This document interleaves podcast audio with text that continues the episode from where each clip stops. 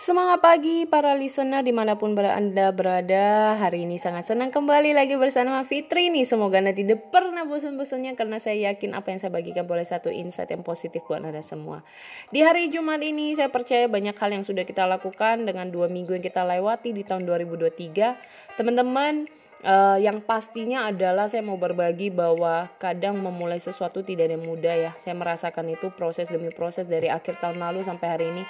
Namun saya bersyukur selalu akan ada hal-hal positif, hal-hal yang luar biasa yang selalu terjadi yang diberikan buat saya.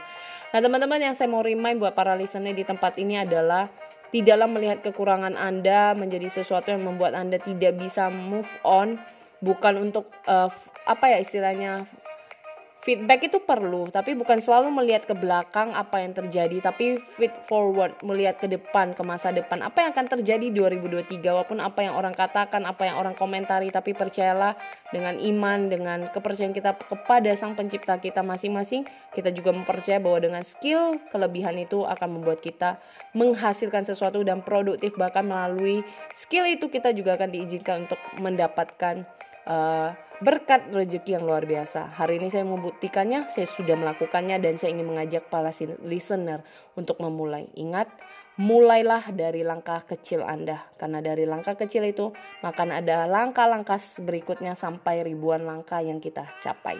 Salam sehat dan salam inspirasi untuk kita semuanya.